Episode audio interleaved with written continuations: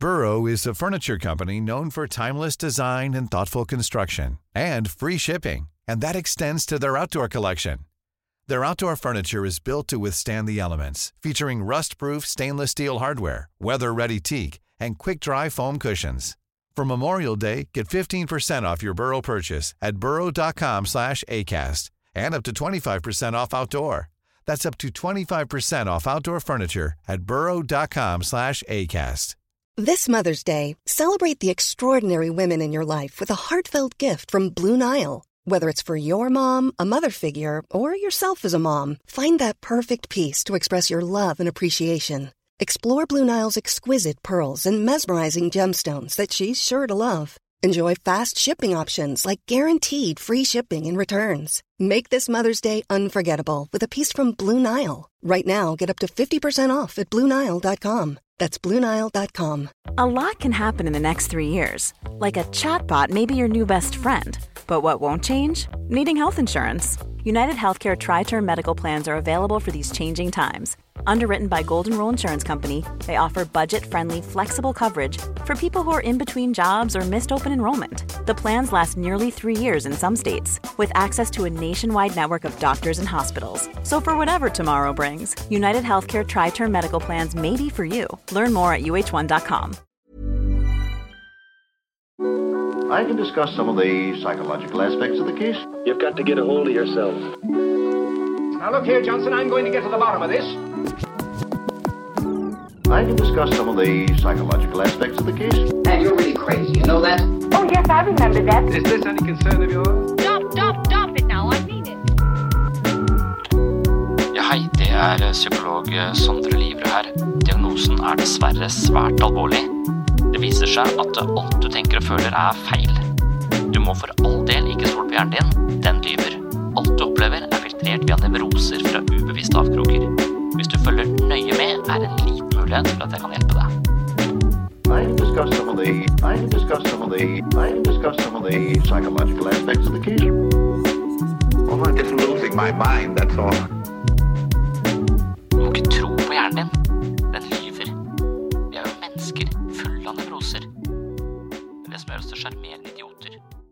Hei og velkommen til en ny episode her på Sinnssyn. I dagens episode skal jeg innlede med kognitiv psykologi. Jeg har nok en gang lest noen selvhjelpsbøker som ikke rangerer blant de beste jeg har lest, men jeg bruker dem som springbrett for å se litt på hvordan den kognitive psykologien betrakter menneskesinnet. Kognitiv psykologi handler om å identifisere måten man tenker på, holdningene man har og perspektivene man inntar i ulike situasjoner. Det sies at det nærmere 50 000 tanker løper gjennom hodet på én dag, og vi er ikke i stand til å høre etter på alt det de sier. Likevel påvirker de både våre følelser og våre handlinger, og dermed er det lurt å legge litt mer merke til tankegodset som ikke tjener oss på noen god måte. Når vi identifiserer hva og hvordan vi tenker, kan vi agere som påtalemyndighet overfor vår egen tankevirksomhet. Er det hensiktsmessig å tenke på denne måten? Er tankene en god refleksjon av tingenes tilstand? Er det andre måter å tenke på som er mer tilpassa de faktiske forholdene? Og med denne typen spørsmål borer man seg inn i destruktive tanker og destruktivt tankegods og avslører eventuelle tankefeil, negative livsmønstre og psykisk materiale forkludra av lav selvfølelse og annet mentalt støy. Og det er rett og slett den kognitive strategien. Legg merke til alle de tankene, du kan ikke legge merke til alle, men legg litt mer merke til de tankene som opererer i hodet ditt fra det ene øyeblikket til det andre. Hør etter hva er det egentlig de sier, og hvordan vil denne beskjeden her påvirke meg i mitt liv. Men hvor kommer da disse tankene fra som dukker opp øh, på løpende bånd? Siden det går 50 000 tanker gjennom hodet i løpet av en dag, er det åpenbart at dette er tanker som oppstår i hodet, men hvorfor akkurat disse tankene? Det er jo et ganske godt spørsmål, egentlig, at vi har masse tanker, men det er ikke sånn at vi aktivt tenker de, de dukker bare opp, så hvor kommer de fra? Det som viser seg i vår bevissthet av tanker som igjen styrer måten vi handler og føler på, er trolig drifta av elementer som ligger utenfor vår bevissthet, altså i det ubevisste. Hvis vi virkelig vil til bunns i destruktive tanker, kan det hende at vi er nødt til å undersøke de bakenforliggende forholdene, altså drivkreftene i vårt ubevisste sjelsliv. Det blir også andre del av dagens episode, Hvordan få tilgang til det ubevisste? Og her vender jeg meg selvfølgelig til Freud, som skrev sitt monumentale verk om drømmetydning i 1900. Freud er kanskje mest kjent for uttalelsene om at kongeveien til det ubevisste er via drømmen og drømmetydning. Drømmetydning er altså den prosessen med å finne meninger med drømmene. En tar utgangspunkt i det manifeste drømmematerialet, det en husker fra drømmen, for å finne det latente drømmematerialet, altså drømmens skjulte budskap. Det latente drømmeinnholdet skal gi drømmeren oversikt over sine ubevisste ønsker, tanker og begjær. Det er altså å forstå seg selv og sin bakende forliggende motivasjon i våre små og store livsprosjekter, og for å vite hvorfor vi tenker og føler og handler på den måten vi gjør, så må vi kanskje avsløre noen av disse drivkreftene i det ubevisste, og da er altså ifølge Freud kongeveien til det ubevisste via drømmene. Freud mente at eh, drømmene alltid hadde en sånn ønskeoppfyllelse som motiv.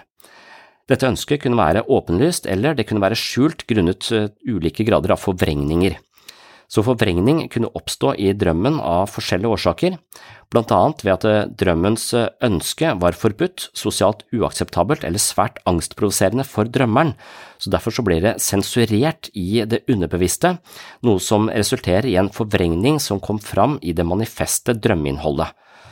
Så det vi drømmer er altså en slags kryptert beskjed av et eller annet ønske vi ikke helt klarer å erkjenne eller se i oss selv. For å likevel finne fram til det skjulte ønsket, eller de skjulte ønskene, måtte en studere de direkte og indirekte konsekvensene av drømmen, samt drømmens materiale i seg selv.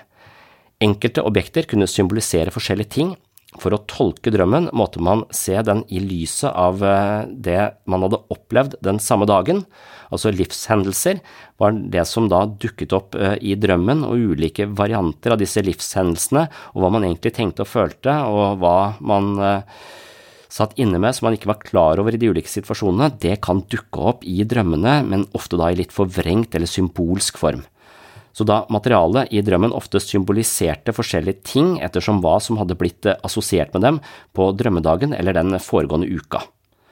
Så i dagens episode så skal vi tilbake til eh, den kognitive psykologien, men også ned i det ubevisste. Så jeg skal prøve å gå fra det bevisste til det ubevisste via drømmene. Vi skal se på hvordan vi kan forstå og dra veksel på de krypterte meldingene som eh, vi får på natta når vi drømmer. Så med det så ønsker jeg velkommen tilbake til nok en reise i menneskets sjelsliv her på Sinnsyn. Really you know oh, yes, så istedenfor å lese Dr. Phil igjen, som jeg har gjort før, som jeg jo er litt gøy, på samme måte som det er litt gøy å lese Ingvar Wilhelmsen,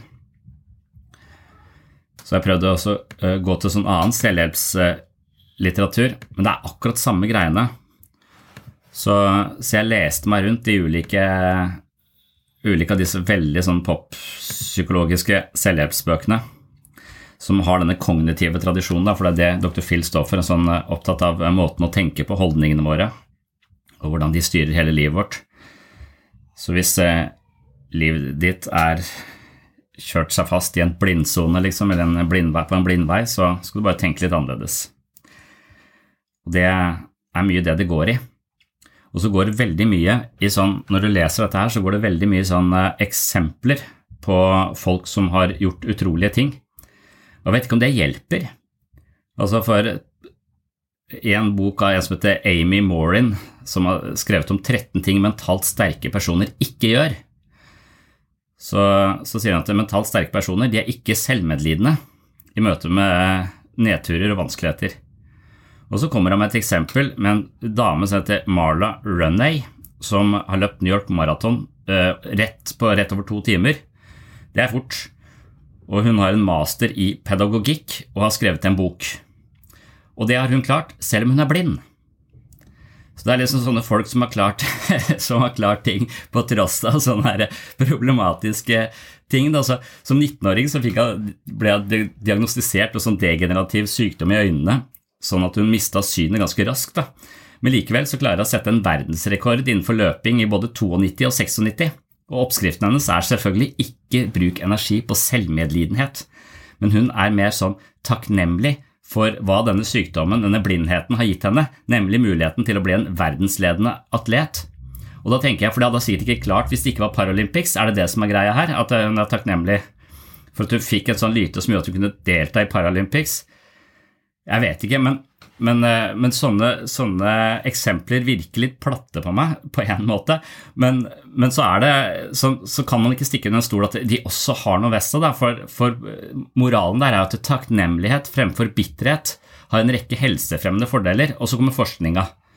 Så En studie fra 2003 i Journal of Personality and Social Psychology viser at eh, en takknemlig holdning styrker immunforsvaret og gjør at mennesker har mindre plager og smerter gjennom livet så det er, det er, klart at det finnes, Når du begynner å rote ned i det, så finnes det masse studier som nettopp viser denne hvordan takknemlighet styrker livet ditt på en hel haug av måter, fremfor det å være bitter og selvmedlidende, da, som, det, som det er snakk om der.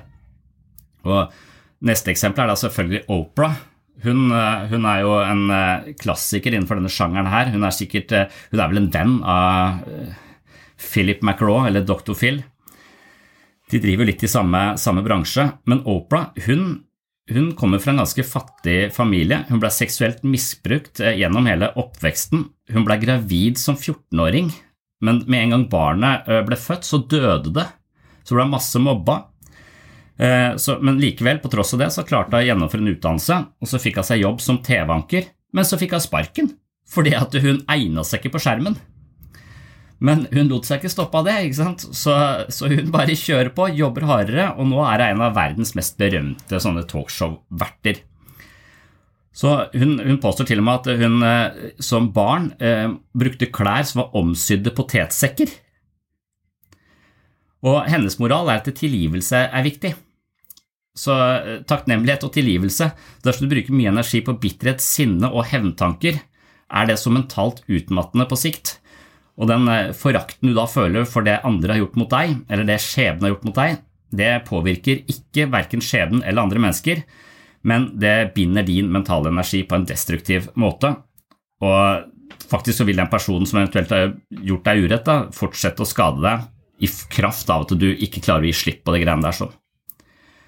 så det er også sånne Ja, jeg skjønner det, men jeg vet ikke hvor eh, Det føles Kanskje, kanskje det er her den kommer at det, disse eksemplene om mennesker som har klart det til tross for, det gir kanskje bare en større følelse av at ja, men jeg har det mm, hatt eh, ikke på langt nær så ille som Opera på noe som helst måte, og likevel så får jeg det ikke til.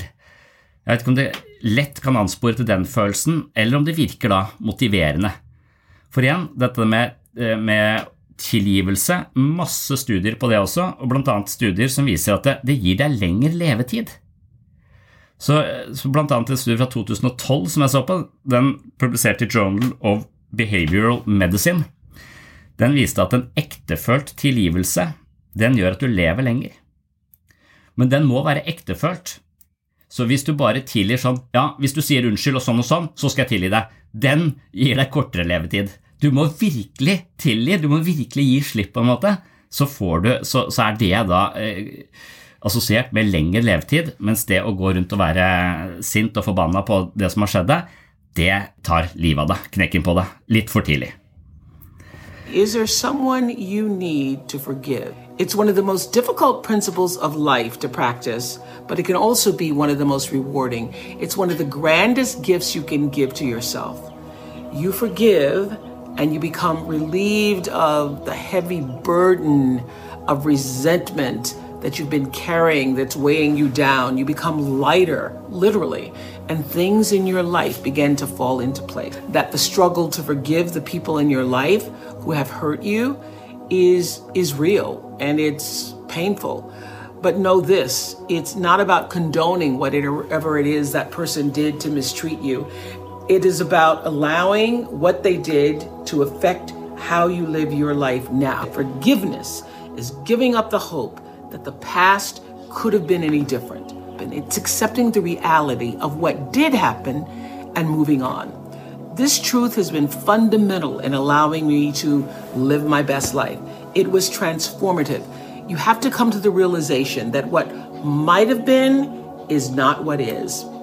Easy to hear, I know, and harder to do. That you can accept or reject the way you are treated by other people but until you heal the wounds of your past, you will continue to bleed.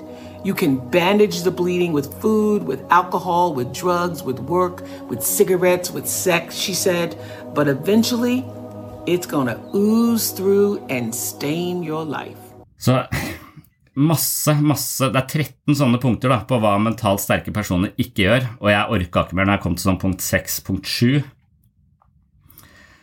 Så jeg ble egentlig litt mer interessert i dette forholdet mellom tankene og denne, denne kognitive psykologien som, eh, som handler om hvordan tenker vi, og hvor kommer disse tankene fra? Og disse kognitive terapeutene de er opptatt av at ok, du tenker 50 000 tanker i løpet av en dag, men du hører ikke etter. Så det første punkt er å høre etter hva sier disse tankene, og hva slags følelser medfører det.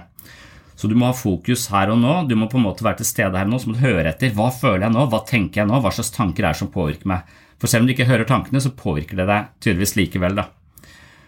Og så eh, punkt to, når du har hørt hva denne stemmen sier til deg, sånn gjerne da, og, og, de stemmene som da ikke er spesielt eh, attraktive, som sier ting du får ikke til, du er dust, eh, det er håpløst, den typen stemmer, der skal du på en måte fungere som påtalemyndighet da, mot din egen hjerne. Du skal da gå i Du skal være aktor i en eller annen sak mot din egen tankevirksomhet.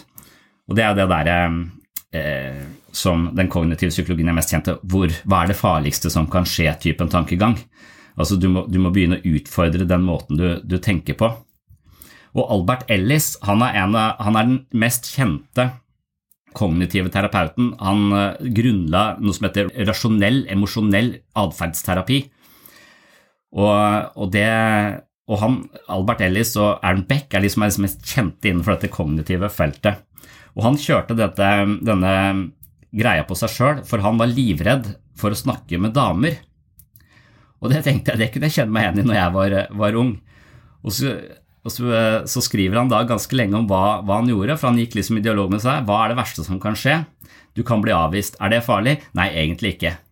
Og når han har forskjønt at det ikke er farlig å snakke med damer, så starter han et prosjekt som jeg syns er ganske prisverdig. Han begynner å gå i botanisk hage, og hver gang han ser en dame som sitter aleine på en benk, så setter han seg ned og begynner å snakke med henne.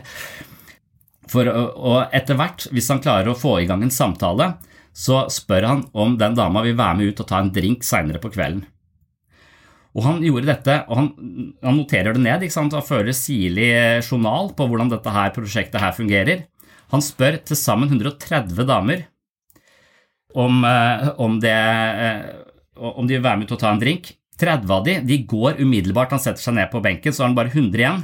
99% av de eh, han får snakka med, altså 99 av 100, sier nei, og én sier at hun vil være med han eh, på, på restaurant seinere og ta en drink, men hun dukker ikke opp.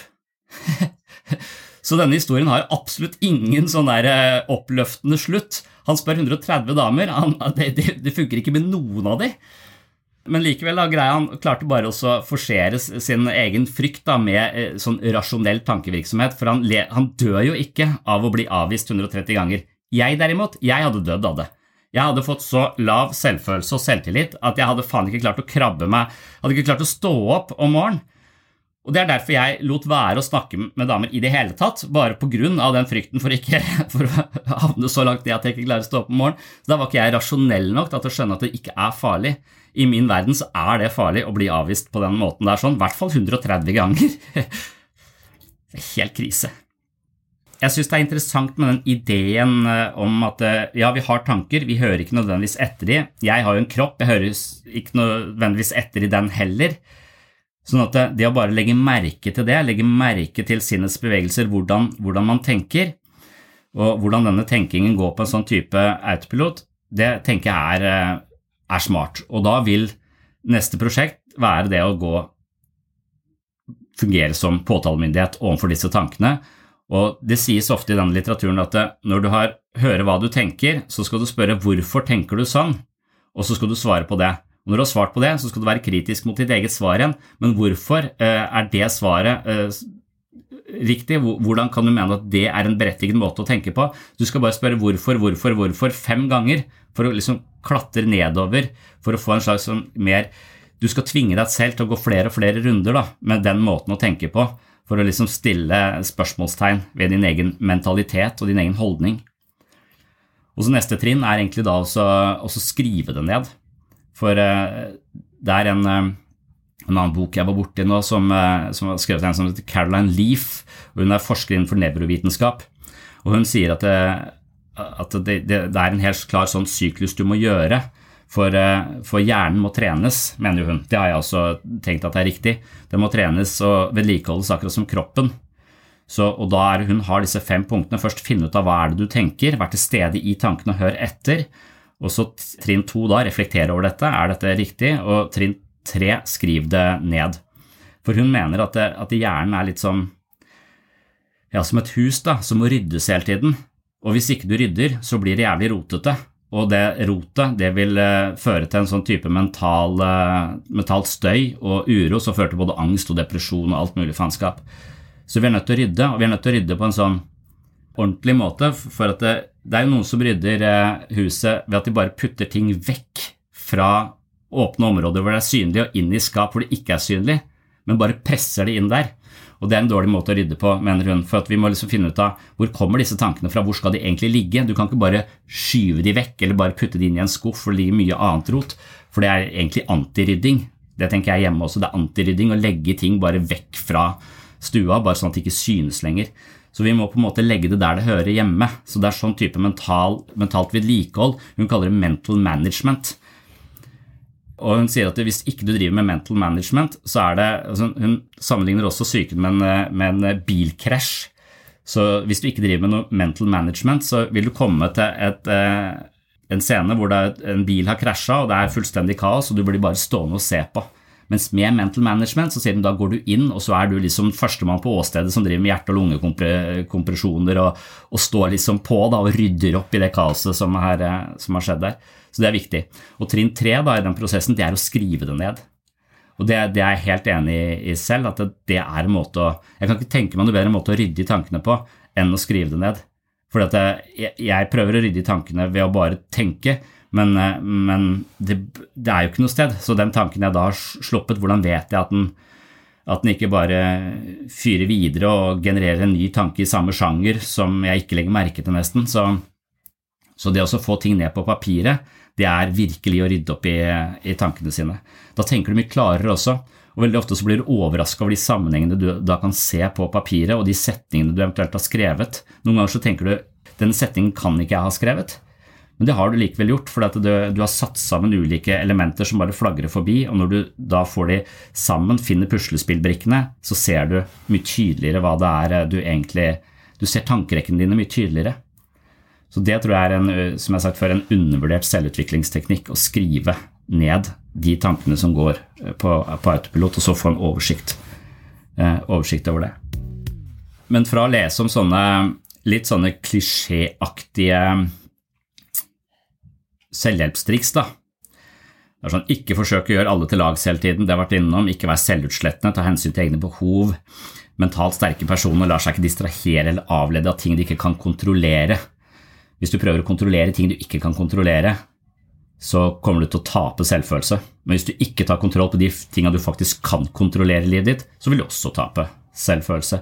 Det er viktig å finne ut av hva kan jeg, hva kan jeg ikke kontrollere. Alle disse tingene er sånn veldig vanlige, går igjen gang på gang i denne kognitive selvhjelpslitteraturen.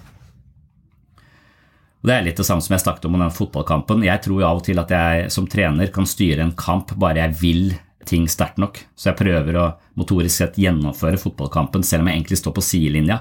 Blir dritsliten, blir mer sliten enn de som spiller. Bare fordi jeg prøver å tenke at vi må gå breiere ut på, på vingen. Og, jeg, og, bare jeg klarer å tenke det hardt nok, så vil de gjøre det. Skrike litt òg, bare for å få de til å gjøre det. Jævlig slitsomt. Det, det sånn, da prøver jeg å kontrollere ting jeg ikke kan kontrollere, og det er totalt utmattende. Og det er så tydelig for meg i en eh, fotballkamp, men det vil også foregå i livet mitt hele tiden. At jeg prøver å kontrollere ting som jeg egentlig ikke kan kontrollere, eller være litt for opptatt av å ha kontroll. Noe som gjør deg veldig ufleksibel og litt vanskelig å være sammen med. Så, så det er alle masse sånne, masse sånne, ting, masse sånne gode ideer som jeg De fleste er litt mer sånn selvfølgeligheter, egentlig. Så, men, men, når jeg går derfra da, så er spørsmålet spesielt hos Caroline Leaf da, at det, men hvor kommer disse tankene fra? Og hun mener at de kommer fra det ubevisste. Så hun, mener, hun kjører plutselig over på Freud her, som jeg syns var mye mer spennende, hvorpå jeg gikk på drømmetydningen. sånn at jeg, sånn at jeg går, går, fra denne øh, kognitive, disse tankene til å finne ut av hvor, hvor kommer disse tankene fra, hva genererer akkurat denne typen tanker? Og Det syns jeg er et, øh, et, langt mer interessant prosjekt, egentlig. For øh, Det er nok derfor jeg også heller mot den mer sånn dybdepsykologiske tradisjonen, fordi jeg av og til syns at det kognitive du må tenke sånn, når du tenker sånn, så fører det til sånn. Det er sånn logisk, ja, jeg skjønner det, men, men logikken hjelper meg liksom ikke helt, da. Eller den hjelper meg kanskje, hvis jeg klarer å, å sjøsette den liksom i mitt eget liv og virkelig leve etter den, men det er som om eh, ja, det er litt, eh, på en måte oppleves litt eh, overfladisk, men disse tankene som dukker opp i bevisstheten min, de, de ser jeg jo, de tankene jeg kan se, de, de, de som blir synlige, de som manifesterer seg, de manifesterer seg også i måten jeg snakker på og handlingene mine. Men hvor stammer de fra? Hvorfor er det akkurat de tankene som kommer opp? Og vi kan jo egentlig ikke styre måten vi tenker på. Hjernen produserer jo tanker. Det vet alle som har prøvd å ikke tenke. Det er stein umulig. Hjernen produserer jo tanker av seg selv uansett. Så, så hvorfor produserer han akkurat de tankene? Og Det er vel kanskje der jeg syns at psykologien blir mer spennende, og da blir den mer psykoanalytisk også, for da må vi ned i det ubevisste. For det er i disse ubevisste algoritmene at tusenvis av krefter påvirker et eller annet, og så siver det til overflaten som nettopp den, den typen eh, tanke. Så, så, sånn sett så, så, leste jeg dette her, og så gikk jeg tilbake til Freuds drømmetydning og tok opp den igjen isteden, og syns at det er eh, nesten viktigere. For at jeg, ok, nå skjønner jeg hva jeg tenker, men hvorfor tenker jeg akkurat dette? Og da er selvfølgelig kongeveien til det ubevisste, det er via drømmene. Det, det syns jeg er eh, Men i dag så antar man kanskje at drømmetydning er sånn kvakksalveri og litt uvitenskapelig, så man har fått en del nye teorier på hvorfor vi drømmer, som også kan være interessant. Men, eh, men ifølge Freud da, så, så, var jo drømmene ti, Før, på Aristoteles og Platon og sånn, når de snakket om drømmer, så, så mente man kanskje at det, drømmene hadde mer sånne Det var ofte noe som en slags samtale med guder, eller noe gudene fortalte deg. Eh, det kom liksom utenfra. Så det var sånn eh, måten gudene kommuniserte med menneskene på via drømmene. Det syntes Freud eh, var noe piss, så han mente at drømmene i mye større grad forholder seg til innholdet i minnene våre og vårt egentlige liv. Så drømmene refererer til livet vårt. Det, I starten av denne drømmetydningsboka så, så skriver Freud om en drøm han selv hadde, hvor en venn som heter Otto, og en psykoanalytiker, som eh, en kollega av han, som, heter, som han bare kaller doktor M, og en dame som heter Irma. Så de, de personene dukker opp i drømmen hans, og Irma hun var en venn av familien som Freud hadde hatt til behandling. Men i drømmen så sier han, denne doktor M, denne psykoanalytikeren, denne kollegaen, at Irma er syk på grunn av en infeksjon, og trolig forårsaket av at Otto stakk en eh, skitten sprøyte i henne. Så, så det, er, det, er, drømmen. Så han drømmer at en, eh, en, venn av familien er syk fordi Otto har stukket en uh, sprøyte i henne som ikke var rein, og hun har fått en infeksjon. Og Denne drømmen relaterer seg til en samtale Freud hadde med Otto på telefonen dagen uh, før, hvor han følte at Otto klandra Freud for, for Irma sin dårlige helse, så han følte at i samtalen med Otto så hadde han blitt anklaget for, eh, for, å ha behandlet henne dårlig, så hun er syk. Men denne drømmen skulle da frita Freud fra denne skyldfølelsen. Og det er det drømmen eh, i første omgang gjør for Freud, det at den, den, frite, den, er, den sørger for en slags wish fulfillment, av ønskeoppfyllelse. Så det vi drømmer, det er en slags virkeliggjørelse av våre egentlige ønsker. Og ønsket til Freud det var å bli kvitt denne skyldfølelsen over å være årsaken til Irmas syke eller dårlige helse. Da. Så på den måten så, så er, jo, er, det litt sånn å, å dykke ned i drømmen. Det syns jeg kan være interessant, for det virker som om drømmen forteller noe litt sant, men at drømmen Altså, drømmen er som en slags journalist som opererer i Nord-Korea, hvor det ikke er ytringsfrihet så drømmen kan ikke fortelle hvordan ting egentlig er. Drømmen må formidle det på en sånn skjult måte. Og da kommer det opp noen tanker, men de tankene de er egentlig ikke helt sanne, fordi de skal bare peke i en annen retning, så du må tolke. Det er liksom, De driver med røverspråk. Eller det er kryptert. Så drømmen fungerer på en sånn kryptert måte så du må avkode. Så egentlig, hvis du skal forstå deg selv, så må du bli oversetter. Du må bli oversetter fra drømmelogikk til vanlig logikk, sånn at du kan på en måte infiltrere ditt eget indre Nord-Korea, hvor det er masse sånne folk som mener du ikke tenk det, ikke gjør det, ikke gjør det, superego, masse faenskap som mener holder masse impulser og sånn nede, som vi opplever er eh, sosialt uakseptable, eller rett og slett ikke vil identifisere oss med. Så for å virkelig få en ordentlig innsikt i oss selv, så må vi liksom høre på disse mm, journalistene da, som, eh, som formidler ting, men på en skjult måte, så, så diktatoren ikke skal se det. Da blir det veldig spennende å sovne på natta. Og så, og så, kan man da begynne å tenke, hvis all drøm handler om ønskeoppfyllelse, eller få ønsker oppfylt, på en måte, virkeliggjørelse av våre drømmer, så sier han, men hva da når du drømmer at en person du kjenner ligger død i en åpen kiste? Ønsker du da personen egentlig død? Og i det tilfellet som han da beskriver i boka, så, så er det rett og slett at den personen som eh, drømmer om en, eh, en fetter som ligger, eh, ligger død i en, en kiste, så er det fordi at denne personen egentlig da, som Freud, alltid er en sånn undertrykt seksuell impuls her. Men denne pasienten var da forelska i en venn av familien som var professor, men denne vennen hadde ryket uklar med familien. Men sist denne, denne dama hadde sett denne professoren, det var i begravelsen til en fetter.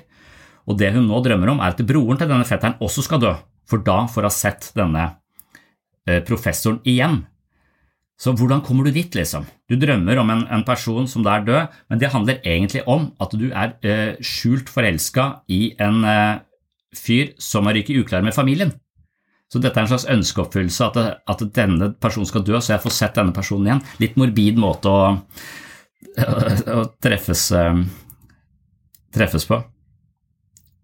Jeg har tenkt tanken om min egen familie, for jeg har noen føtter jeg egentlig synes er veldig gøy å være sammen med. Jeg treffer de sånn hvert 20. år. Eh, sånn, jeg treffer de aldri, liksom.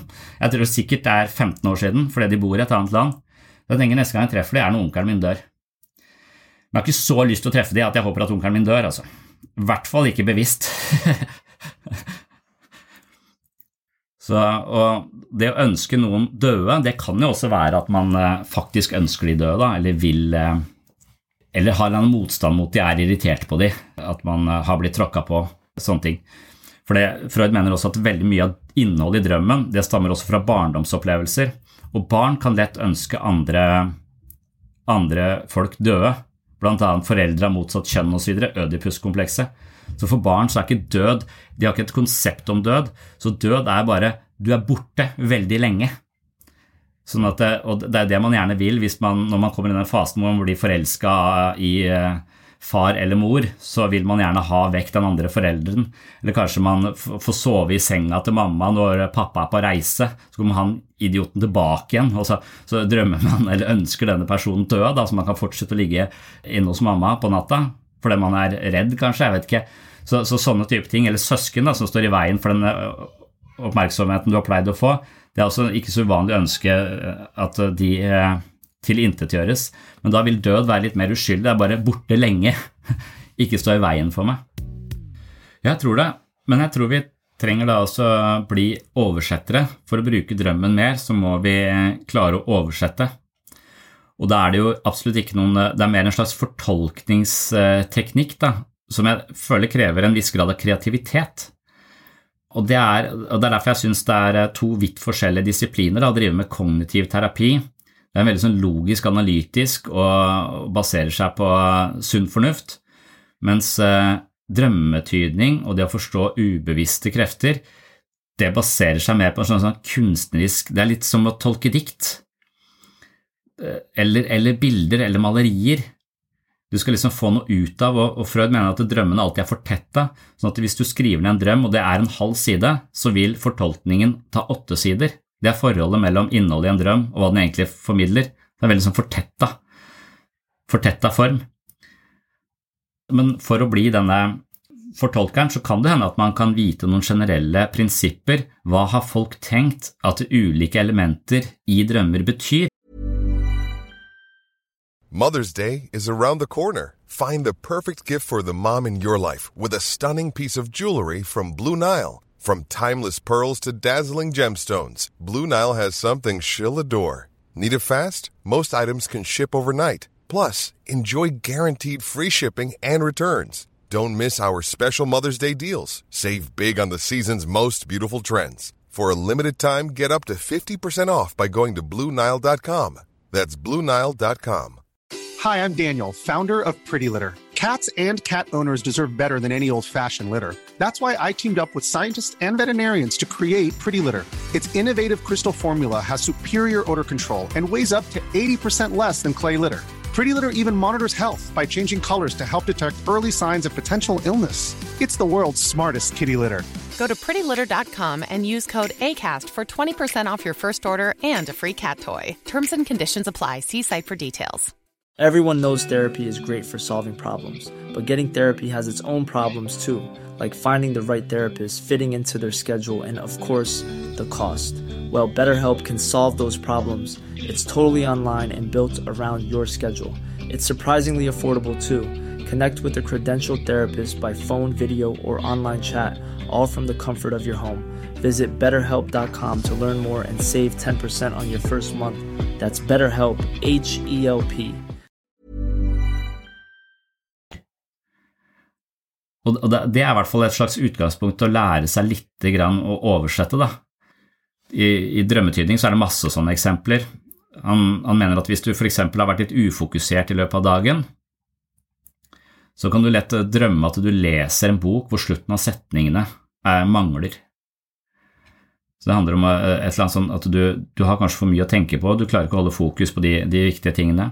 Hvis konger og dronninger dukker opp i drømmer, så er det som regel mor og far. Da. Jeg vet ikke om vi drømmer så mye konger og dronninger eh, lenger. Men venstre og høyre, det er moralsk og umoralsk. Vet ikke hvor eh, universelt dette kan, eh, kan være. Altså, det er kanskje fordi det på engelsk er right, altså det er eh, høyre, assosieres med det, det moralsk riktige, mens venstre det umoralske. Og Ifølge Freud så er jo alt som ligner på et våpen, en pinne eller et eller annet langt objekt, det representerer menn. Og da gjerne menns kjønnsorgan, som han ser det, for han er så opptatt av denne libido-kraften og det, det, seksuelle. Og alt som, eh, som, på en eller annen måte kan assosieres med et eller annet, altså enten det er en liten eske eller et skip eller et eller annet som inneholder noe, det er kvinnen. Så da har vi allerede sånn, så hvis vi klarer å se enten Da kan vi i hvert fall eh, differensiere på kjønn, da, i eh, om du da Men det det er sånne freudianske ting. Jeg kommet litt til hvilke type drømmer, men bare akkurat på det der med disse kjønnsorganreferansene til Freud hele tiden, denne, dette, som, eh, dette hulerommet eller denne pinnen på en eller annen måte, så, så har han en drøm hvor, hvor han har en, en pasient da, som, eh, som drømmer at hun går nedover en gate med en stråhatt på snei. Og vet du hva det betyr? Altså, her er hatten et symbol for ektemannens kjønnsorgan, hvor hun var redd for at eh, kjønnsorganet var misdanna da den ene testikkelen hang litt lavere enn den andre. det, er, når du, når du, seriøst på kontoret ditt sitter og skriver sånne ting i et sånt monumentalt verk som Drømmetydning, da er du er, da er akademia plutselig litt, litt gøy. Det er vold, veldig kreativt. Ok, så du drømmer at du går med stråhatt på snei? Det må være Nå kommer det. Men det er klart, han finner jo ikke ut av det, men det er fordi hun spør om det senere i samtalen. ikke sant? Hun er bekymra for det.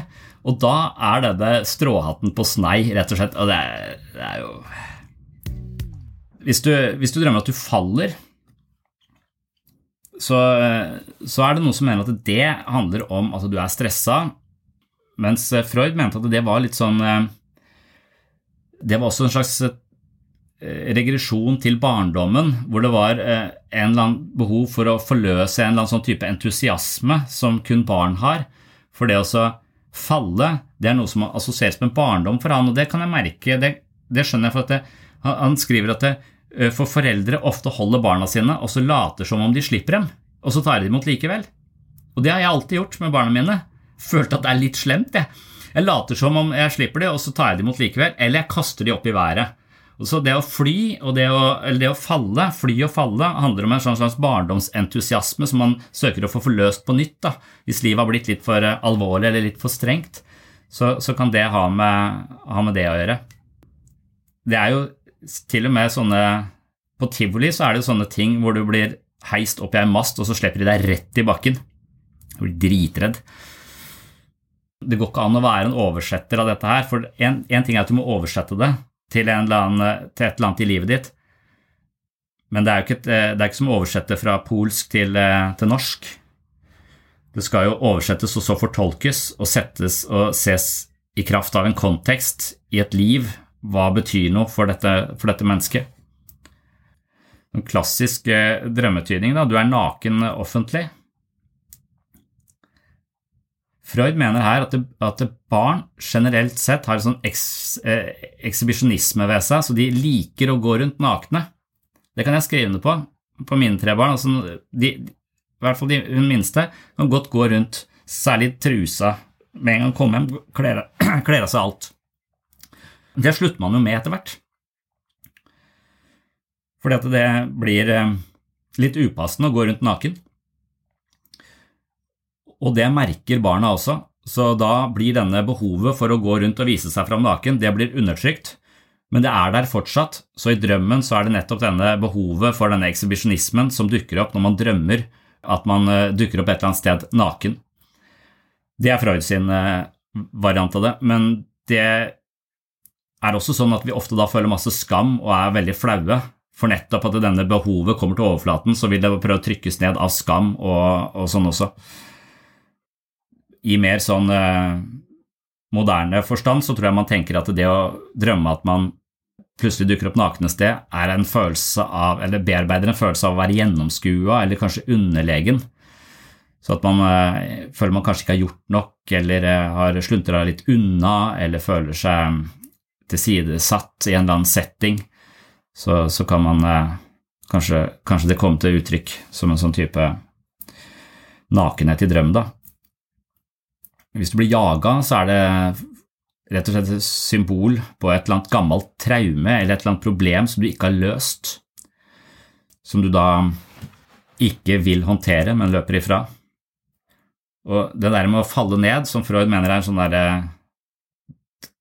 Tilbake til barndommens eh, lek på, i et eller annet fang hvor det blir rista opp og ned eller noe sånt, så, så er det noen som også mener at det, det å falle er et symbol på å ta en sjanse i livet, og at du har tatt en litt stor sjanse, og nå er risikoen eh, ganske høy, og det er da kommer til uttrykk i dette fallet. Så hvis du drømmer at du går deg vill, så er det fordi du er i en utrygg situasjon, kanskje. Du kan være overarbeida eller stressa på jobb, kanskje, så du har for mye å gjøre. Det er en situasjon du ikke helt kan håndtere. Miste tenner handler om å tape ansikt, visstnok.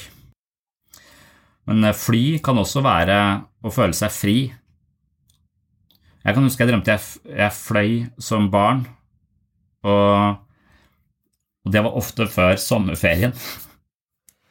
Eller i begynnelsen av sommerferien. Men du kan også drømme at du flyr, men hele tiden er redd for å falle ned.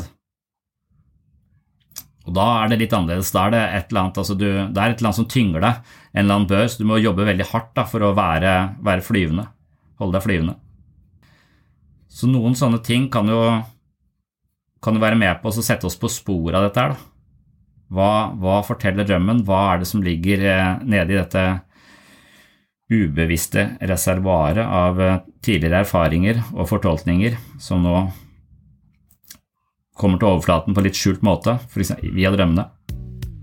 Ja, nei, jeg vet ikke. Så jeg, så jeg tror liksom Det går ikke an å si noe sånn hva hvis jeg eh, drømmer om det, men men hele prosessen handler vel da om å sette i gang en slags eh, nysgjerrighet på den typen opplevelser. Og det å føle seg føle seg sterk og kompetent, og da uttrykkes i en sånn type superhelt, det er jo veldig sånne arketypiske trekk hos disse superheltene som gjerne vi idealiserer eller ønsker å nå, nå opp til. Det er denne grandiose polen i selvet også som, som, trenger påfyll og føle at vi har muligheten til å ja, mestre, mestre livet.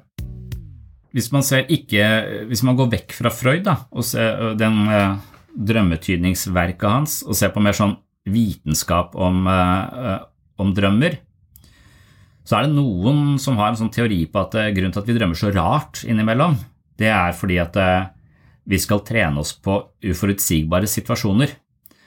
Og det er det en sånn AI-forsker som har funnet ut av, for han driver og programmerer AI, altså kunstig intelligens.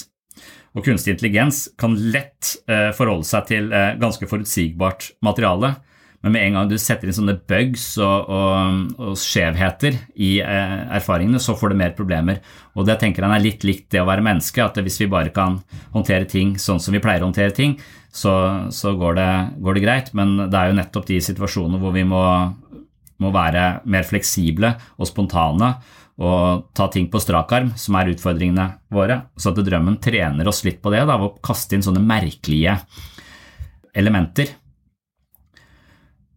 Og så mener han jo også, mener den si, vitenskapen om drømmer, at, eh, at det er, er visst en tredjedel av oss som ikke drømmer så mye. Og så er det en, en, noen andre som da drømmer veldig mye. Og det mener de sier noe om psykologien din og personligheten din, rett og slett. Så hvis du har klare og tydelige drømmer, så er du ofte f.eks. mer logisk, sier de. Så klare og tydelige drømmer, så vet du på en måte at du drømmer mens du drømmer. Så du er liksom din egen drømmeinstruktør og kan styre handlingen til en viss grad. Så tydelige og kontrollerte drømmer forbindes da med at du er logisk. Så du er i stand til liksom å forstå at du drømmer, og at det ikke nødvendigvis er virkelighet, da, det som er rundt deg i drømmen. Og den evnen kan du liksom da overføre til det virkelige livet, der du liksom er flinkere til å tolke oppgaver og løse problemer, samtidig som du liksom opprettholder en slags logisk eh, tankegang. For jeg tenker det, det hvis, du, hvis du, tenker hvis du klarer å være bevisst at du, du, er en drøm, så kan jo det bli en slags treningsarena for deg. Det kalles av og til lucid dreaming. Jeg husker jeg selv hadde en periode hvor jeg trente veldig på det, å være bevisst i, i drømmene, og da drømte jeg også ganske mye. så og, det er nok det samme som vi driver og maser om i, i psykologi, at alt du tenker og føler er feil. Det er jo for å liksom avkode at alt det som skjer, og alt det vi tenker og alt det vi føler, det er ikke nødvendigvis en eh, sannhet om den aktuelle situasjonen eller om vår verdi som menneske osv. Så, videre. så der, vi må ha en slags avstand til det. Den samme avstanden virker som man da, hvis man klarer å opparbeide seg den i drømmen, så vil man opparbeide seg også litt større avstand til tanker og følelser i det våkne livet, sånn at man kan leke litt med det, sånn at ting ikke blir så alvorlig, sånn at ting ikke går så tett, tett på. Ja, det, drømmer kan stikke ganske, ganske, dypt inn. Jeg husker også jeg hadde en kjæreste en gang som uh, var sint på meg fordi jeg har vært utro i drømmen hennes. Og det er sånn, ja, men i helvete! Altså, måte på. Men det er sånn men det, men det, er klart at det, det er jo en, sannsynligvis en viktig informasjon. Da. Eller den, den, den, drømmen sier jo noe, den er jo veldig sigende. hvis man drømmer det, så er man sikkert litt utrygg, eh, føler at relasjonen ikke er sterk nok. Det er jo absolutt informasjon der som man bør ta hensyn til. Hvis man tolker den i en absolutt forstand, så må man jo forsvare seg for det man har gjort i drømmen. Og hvis du kommer inn i den, eh, den dynamikken der, så er du jo eh, ganske kjørt. Da er det ikke noen nysgjerrighet lenger, for da, da, blir jo drømmen for sann. Akkurat som tankene våre kan bli for sanne, følelsene våre kan bli for, for, absolutte. Og da er det ikke noe mulig, det er ikke noe fleksibel måte å håndtere det på. Men det, det som er interessant også, som man mener fra nyere forskning på drømmer, er at de som da har mange drømmer, de, de har en del sånne De har en del egenskaper som også eh, reflekteres i det det virkelige livet. Da. Så hvis du drømmer mye, så, så mener man at man er ganske lærenem. Så drømmene den styrker hukommelsen din, altså den, det som man kaller sånn eh, prosedural hukommelse. Så den viten om hvordan man f.eks. sykler eller knepper en skjorte eller spiller piano, det blir liksom lagra, mener man, i, i drømmen. Så personer som drømmer ofte, vil da ha lettere for å lære nye ting. Og så, så sier man også at de som drømmer ofte, er flinkere til å håndtere følelser. For Drømmene skal også hjelpe til med å håndtere følelser, og de presenterer det på litt sånne skjulte måter, så det er ofte følelsen, ikke innholdet, i drømmen man må gå etter. Altså Innholdet kan være ganske merkelig, mens, mens følelsen kan være ganske sånn eh, spesi spesifikk. Altså at Otto stikker en sprøyte som er skitten i armen på noen. Det er jo følelsen Freud har i den drømmen, at, at det var ikke min skyld at hun er Så det var denne frigjørelsen fra denne skyldfølelsen, så, så let etter, let etter, etter følelsene. Så man mener faktisk at i drømmene så, så, er følelser som angst og sinne de blir bearbeida på en måte og får da mindre betydning og blir plassert på sånn riktig sted, og da er det mer plass til glede og, og de mer positive følelsene. Så drømmer har jo sannsynligvis en ganske viktig funksjon. Det står også om at de som drømmer mye, kan være ganske kreative. Så det skyldes at hjernen, altså når hjernen drømmer, så er det en sånn spesiell kjemi som gjør at tankene settes sammen på helt nye måter. Så, så det oppstår ganske innovative ideer der. Så det å drømme er jo litt den samme lekenheten man etterlyser i Eller i hvert fall jeg etterlyser i kreativitet, i, i mental helse. En slags mental fleksibilitet. Så det å våge å drømme er, hvis, du, hvis, du, ikke våger å drømme, så kan det være at disse sperrene, denne rigiditeten, dette alvoret, denne tettheten til tanker og følelser, jeg er ikke god nok Algoritmen er så sterk at du selv i drømmen ikke får lov til å smile og leke eller være redd eller, eller være kreativ. Da. Rett, I det samme som man ser på sånne veldig lukka regimer. Så Derfor så, så er det man da klarer å få sammen av av drømmer kan da være liksom et slags et forsøk fra et, et, regime til å uttrykke seg på, på en måte å, skape mer rom og frihet. Og det er vel det som er eh, sett på som kreative mennesker også, at de, at istedenfor å bare forstå ting sånn som man alltid har forstått ting, så våger man å se ting litt på nytt. Man har litt større kategorier, man dømmer ikke så raskt, man undersøker litt videre for å se er det mulig, mulig å se dette på, på flere måter. Så det å drømme kan, eh, kan, ha veldig mange positive effekter. Og det er spørsmålet hvis jeg ikke drømmer, da, hvis jeg er en av, de, en av de tre som ikke drømmer, hva gjør man da? Og så Kanskje man kan, eh, man kan aktivere denne drømmen ved å være opptatt av denne kreativiteten. Og Freuds metode var jo fri assosiasjon, som er litt det samme. altså Hvis jeg sier det, hva tenker du på da? Altså Det første som faller inn i hodet ditt, og så drive litt sånn med seg selv, prøve å være litt mer sånn lekent nysgjerrig på tanker som dukker opp som virker. Det går tross alt 50 000 tanker gjennom hodet i løpet av en dag, så du kan jo begynne der. Altså De tankene representerer noe. Og hvis man eh, kan se litt på det og leke litt sånn Ja, fem ulike hypoteser til at jeg tenker på akkurat denne, denne måten. Hvis jeg setter sammen den og den tanken, hva, hva vil det, hvordan vil det se ut? Dette er det motsatte av eh, perfeksjonisme. Det er det motsatte av eh, å være underdanig og veldig opptatt av andres behov og gjøre sine plikter og følge regler og skrive lister og leve livet sitt som en soldat som hele tiden agerer på ordre fra omgivelsene, andre mennesker eller eh, jobben eller hva det skulle være.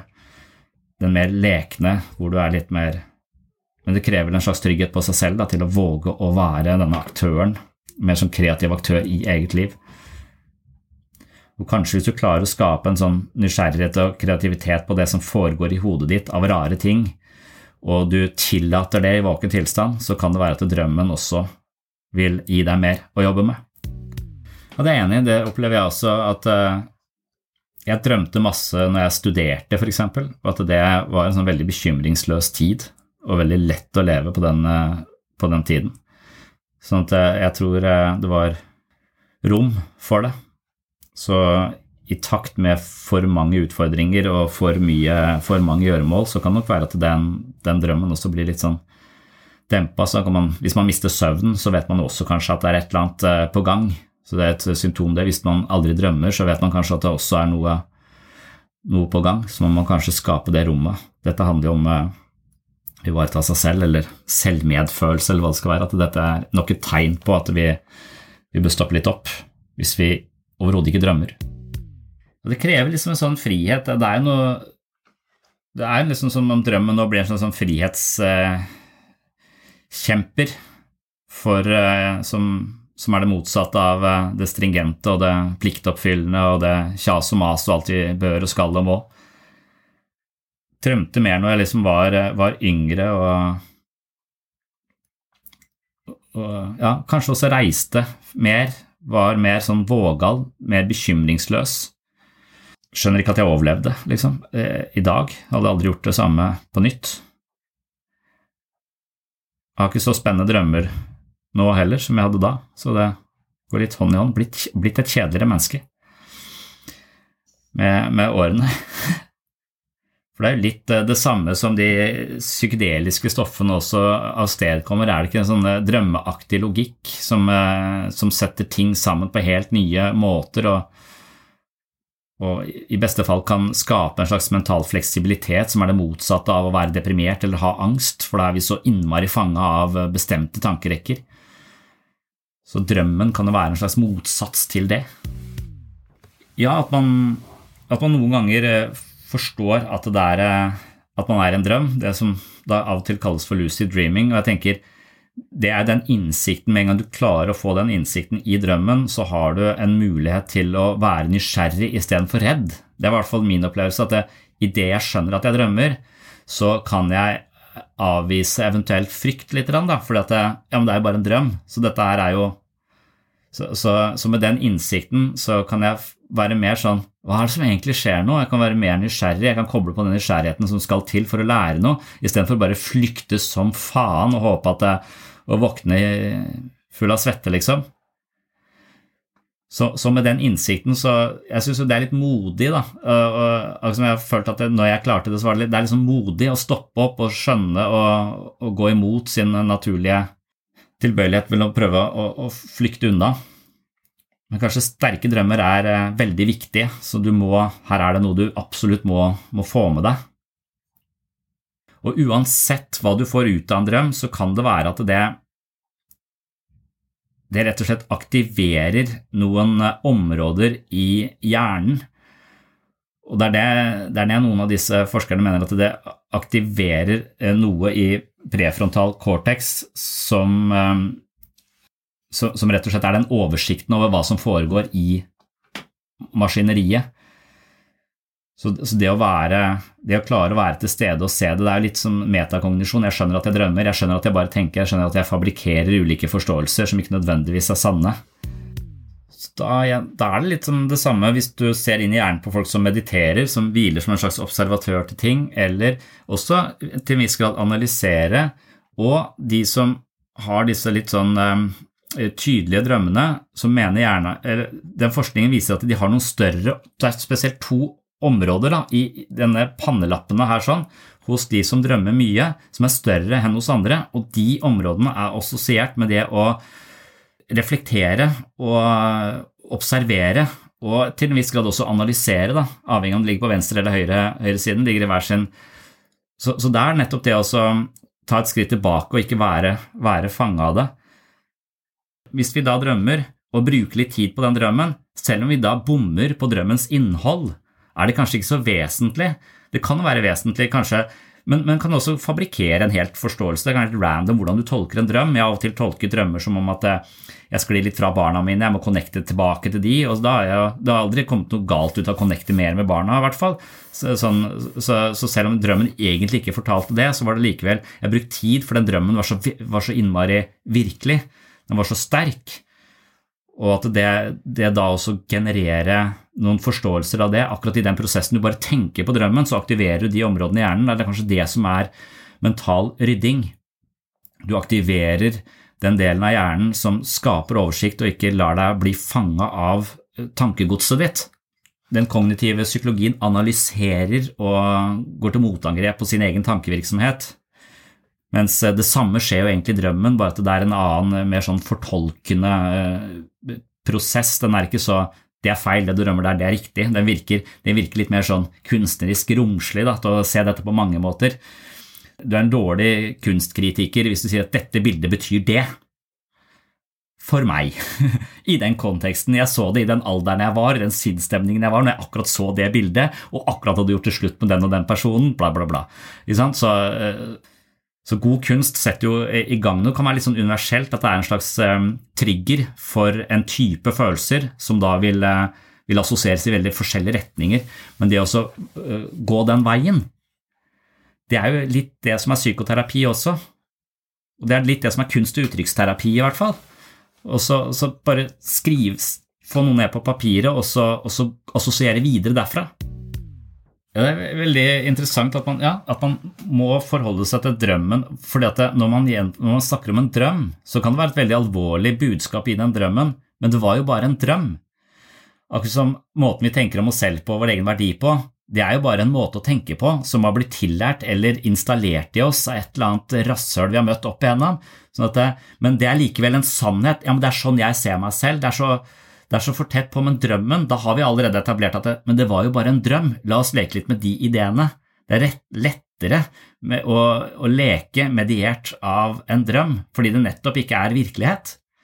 På samme måte som veldig mange av ideene vi har om oss selv og det vi er redd for, heller ikke er en virkelighet. Det er fabrikkerte, men det oppleves mer virkelig for vi er våkne når vi, når vi opplever det. Så, så det, er litt, eh, litt, eh, det er en slags uh, fin måte å ha en kreativ samtale på, mediert av noe som, ikke, uh, som vi allerede har etablert at det ikke nødvendigvis er helt virkelighetsnært, men det kan peke oss i retning av noe i denne, denne virkeligheten. Så er det mange måter å jeg husker, Freud, jeg husker jeg leste hos Freud at han hadde en sånn drøm hvor han, eh, han drømte at faren hans skreik til han at han var udugelig og aldri fikk til noe som helst. Og det hadde jo skjedd. Og det, eh, eller det var ikke en drøm, det var noe som hadde skjedd i livet hans. Han var åtte år, tror jeg. Så fikk han en sånn der 'Du er helt udugelig, du får ikke til noe som helst'. Og det var en sånn opplevelse i livet som bare hadde frosset seg fast i han. Og han mener at den gjentar seg i den forstand at hver gang han lykkes i livet, så drømmer han om at han feiler. Så f.eks. når han skal motta en pris for et eller annet uh, han har gjort, for han jo, lykkes jo ganske mye i, i livet sitt, sånn at han skulle, alltid før han skulle motta en pris eller gjøre et eller annet som var bra, et eller annet han hadde fått til, så drømte han f.eks. at han hadde ikke klart å knytte slipset sitt, eller gikk med slipset helt skeivt på den der presentasjonen han skulle ha for å ta imot den prisen, f.eks. Og, og sånne, sånne, måter å fortolke drømmen på så at det assosieres alltid et eller annet viktig i livet. Jeg har hatt en sånn gjentagende drøm om at jeg egentlig ikke har bestått matteeksamen i 3MX. Og så har jeg av og til sjekka vitnemålet mitt og sett at jo, jeg har det, og jeg vet det, for jeg var jo oppe til, i matte muntlig. Og, men det er akkurat som at jeg, jeg, følte at matte var så det, Jeg klarte det, men det lå liksom helt i horisonten for hva jeg, hva jeg var eh, kapabel til å få god karakter i. Og så husker jeg på på eksamen at jeg, at jeg klarte meg fint gjennom muntlig eksamen i matte, men så kom det til en sånn type sannsynlighetsberegning, og da skjønte jeg ikke lenger Jeg forsto ikke matta, jeg bare fulgte regler, og da følte jeg meg som en fake. Så jeg fikk et spørsmål på slutten der som jeg visste at det, det akkurat det spørsmålet der, sånn, eller akkurat det stykket der, sånn, den problemstillingen der, sånn, den gikk læreren vår igjennom for 14 dager siden, og jeg husker akkurat hva han sa. Så jeg kunne gjengi trinn for trinn hvordan dette regnestykket skulle regnes ut, men jeg ante ikke hva jeg snakka om. Altså, Jeg hadde ingen innfølende forståelse for det som foregikk på tavla, jeg bare sa det, og fikk veldig god karakter, men det var bare papegøyekunnskap, det, det, var ikke ekte kunnskap. Det var bare noe jeg, og en uke så hadde, hadde det gått en dag til, så hadde jeg glemt det, hadde jeg ikke klart det. Det var akkurat, Jeg klarte bare akkurat å rekonstruere akkurat det der sånn, og det mener jeg er fake. Og jeg tror kanskje jeg drømmer om denne matteeksamen i perioder i livet mitt når jeg føler jeg er fake. Når jeg føler jeg liksom later som noe, eller på en eller annen måte eh, ikke er helt oppriktig, da. Så, så jeg plutselig har begynt å assosiere den typen for den drømmen at jeg ikke egentlig har bestått på matteeksamen. Og det har fått ganske katastrofale konsekvenser, for da kan jeg ikke lenger være psykolog. For da, da kommer jeg ikke inn på det studiet, så da annulleres alt jeg har gjort. For det hviler på om jeg faktisk besto tre EBX på videregående. For uten vitnemålet så kunne jeg ikke kommet videre. Så det kan være sånn veldig personlig i livet vårt, men det kan jo ha sånne Hvis du går til Jung, da, som brøyt med Freud på akkurat dette punktet, så er det arketypen igjen, som er også veldig Så jeg hører på en podkast som heter eh, That Jungian Life, hvor, eh, hvor, sånne jungianske analytikere driver og, og, snakker om å integrere skyggen, liksom. Og det er jo litt av det også som, eh, som, som er i denne så Det ligner litt på det kognitive, det også. for det var en intervju, Siste episode var intervju med en dame som hadde skrevet om alderdom. for Hun var i ferd med å pensjonere seg som psykoanalytiker. Og, og, hun eh, hadde liksom ikke noen overgangsritualer til det å bli gammel eh, og det å være pensjonist. og hun hadde egentlig bare frykt og motstand mot det. og Hun mener at vi har masse sånne arketyper hvor det å være gammel, de stuer vi litt vekk. altså det, Funksjonene forsvinner. Det er forbundet med mye faenskap. da, Vi har en del sånne fortellinger. Vi projiserer en del ut på det å være, være gammel. altså Det er noe vi skyver foran oss og projiserer noe sånn et eller annet ut på, og så plutselig så kommer det en projeksjon tilbake til oss fordi vi faktisk blir gamle selv. Da. Og da måtte hun gå noen runder med de arketypiske holdningene hun hadde til det å være pensjonist. Og da satt hun på en kafé, og så kom det en dame inn som var eldre og fattig med en bag. Hun kaller det bare arketypen The Bag Lady. Og da hørte hun, for hun er så vant til å høre etter på tankene sine, for det er det denne analytikeren, det er fri assosiasjon, hva er det som dukker opp av tanker?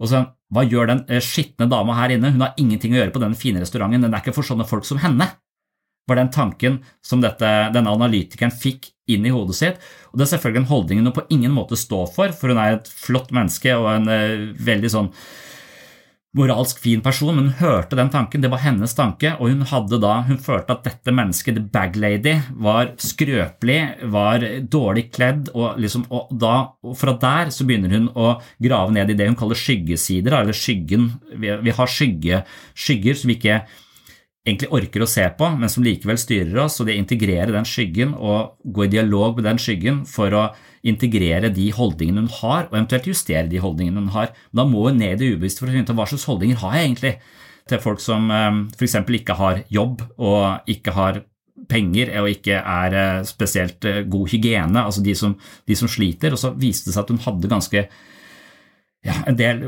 motstand mot det. da. Og da er det kanskje sånn at Hvis du da våger å gå i dialog med det og vite at det er en del av det, så kan det være at den delen kommer til å avta ganske dramatisk. Akkurat som hvis du er La oss si du møter en nynazist da, og har en litt mørk hudfarge, og blir venn med den nynazisten, som har i utgangspunktet en motstand mot alle som er sånn som deg, så kan det vennskapet kan kanskje korrigere noe av den oppfattelsen vedkommende har. Så, det, det er, så selv om du har sånn erfaring, hvis du våger å møte det og bli kjent med det, så vil sannsynligvis en del av fordommene dine også avta litt. Så det er skyggearbeidet, og det er også det som drømmen ofte er, at de, de skyggesidene også kommer opp i drømmen, men da ofte som noe annet enn deg selv. Så det er mange som tenker at alle de elementene som dukker opp i en drøm, de er deler av deg selv. Så det er elementer av deg selv, så når du snakker med noen i en drøm, så kan det godt være eh, eh noe du kan ha avspalta en del av deg selv som du nå dukker opp i drømmen. Det er en måte å drive skygge, skyggearbeid på. Det er så tusenvis av ting som påvirker alt vi tenker, føler og foretar oss uten at vi er klar over det. Hvis vi vil ha en dypere forståelse for alt det som ligger i skyggen av vår motivasjon, våre tanker og følelser, kan et dypdykk i drømmenes fortettede uttrykksform kaste viktig lys over oss selv.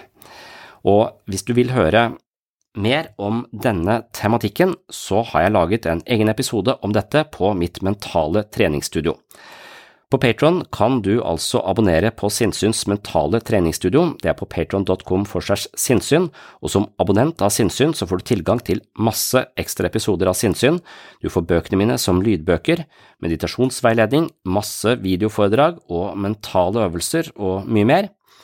Så velkommen skal du være til eh, enda et dypdykk i menneskets sjelsliv der inne på Patron, og hvis du ønsker å høre mer om alt som gjemmer seg bak eh, sceneteppet i Sykens teater, og gå veien via drømmetydning, kan du bla deg frem i Patron-katalogen til episode 74 som heter Kryptert rapport fra det ubevisste.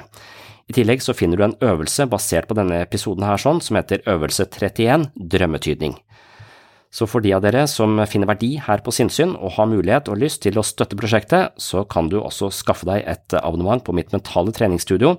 Og for deg som er spesielt interessert i dette med drømmer, så har jeg da laget en egen episode der inne, episode 74, Kryptert rapport fra det ubevisste. Takk for at du hørte på, og velkommen tilbake i neste episode. Oh, I'm just losing my mind, that's all.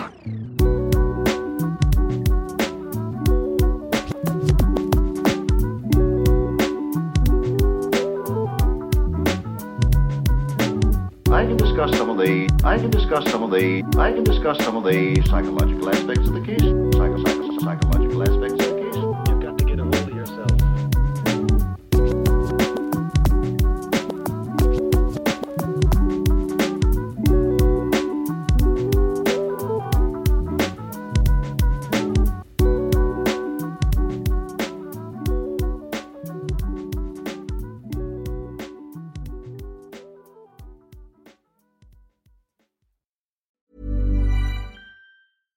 Even when we're on a budget, we still deserve nice things. Quince is a place to scoop up stunning high-end goods for 50 to 80% less than similar brands. They have buttery soft cashmere sweaters starting at $50, luxurious Italian leather bags, and so much more. Plus, Quince only works with factories that use safe, ethical, and responsible manufacturing. Get the high-end goods you'll love without the high price tag with Quince. Go to quince.com slash style for free shipping and 365-day returns. Planning for your next trip? Elevate your travel style with Quince. Quince has all the jet-setting essentials you'll want for your next getaway, like European linen, premium luggage options, buttery soft Italian leather bags, and so much more. And is all priced at 50 to 80% less than similar brands. Plus, Quince only works with factories that use safe and ethical manufacturing practices. Pack your bags with high-quality essentials you'll be wearing for vacations to come with Quince. Go to quince.com/pack for free shipping and 365-day returns. Imagine the softest sheets you've ever felt. Now imagine them getting even softer over time. That's what you'll feel with Bowl and Branch's organic cotton sheets. In a recent customer survey, 96% replied that Bowl and Branch sheets get softer with every wash. Start getting your best night's sleep in these sheets that get softer and softer for years to come. Try their sheets with a 30-night guarantee. Plus, get 15% off your first order at bowlandbranch.com. Code BUTTERY. Exclusions apply. See site for details.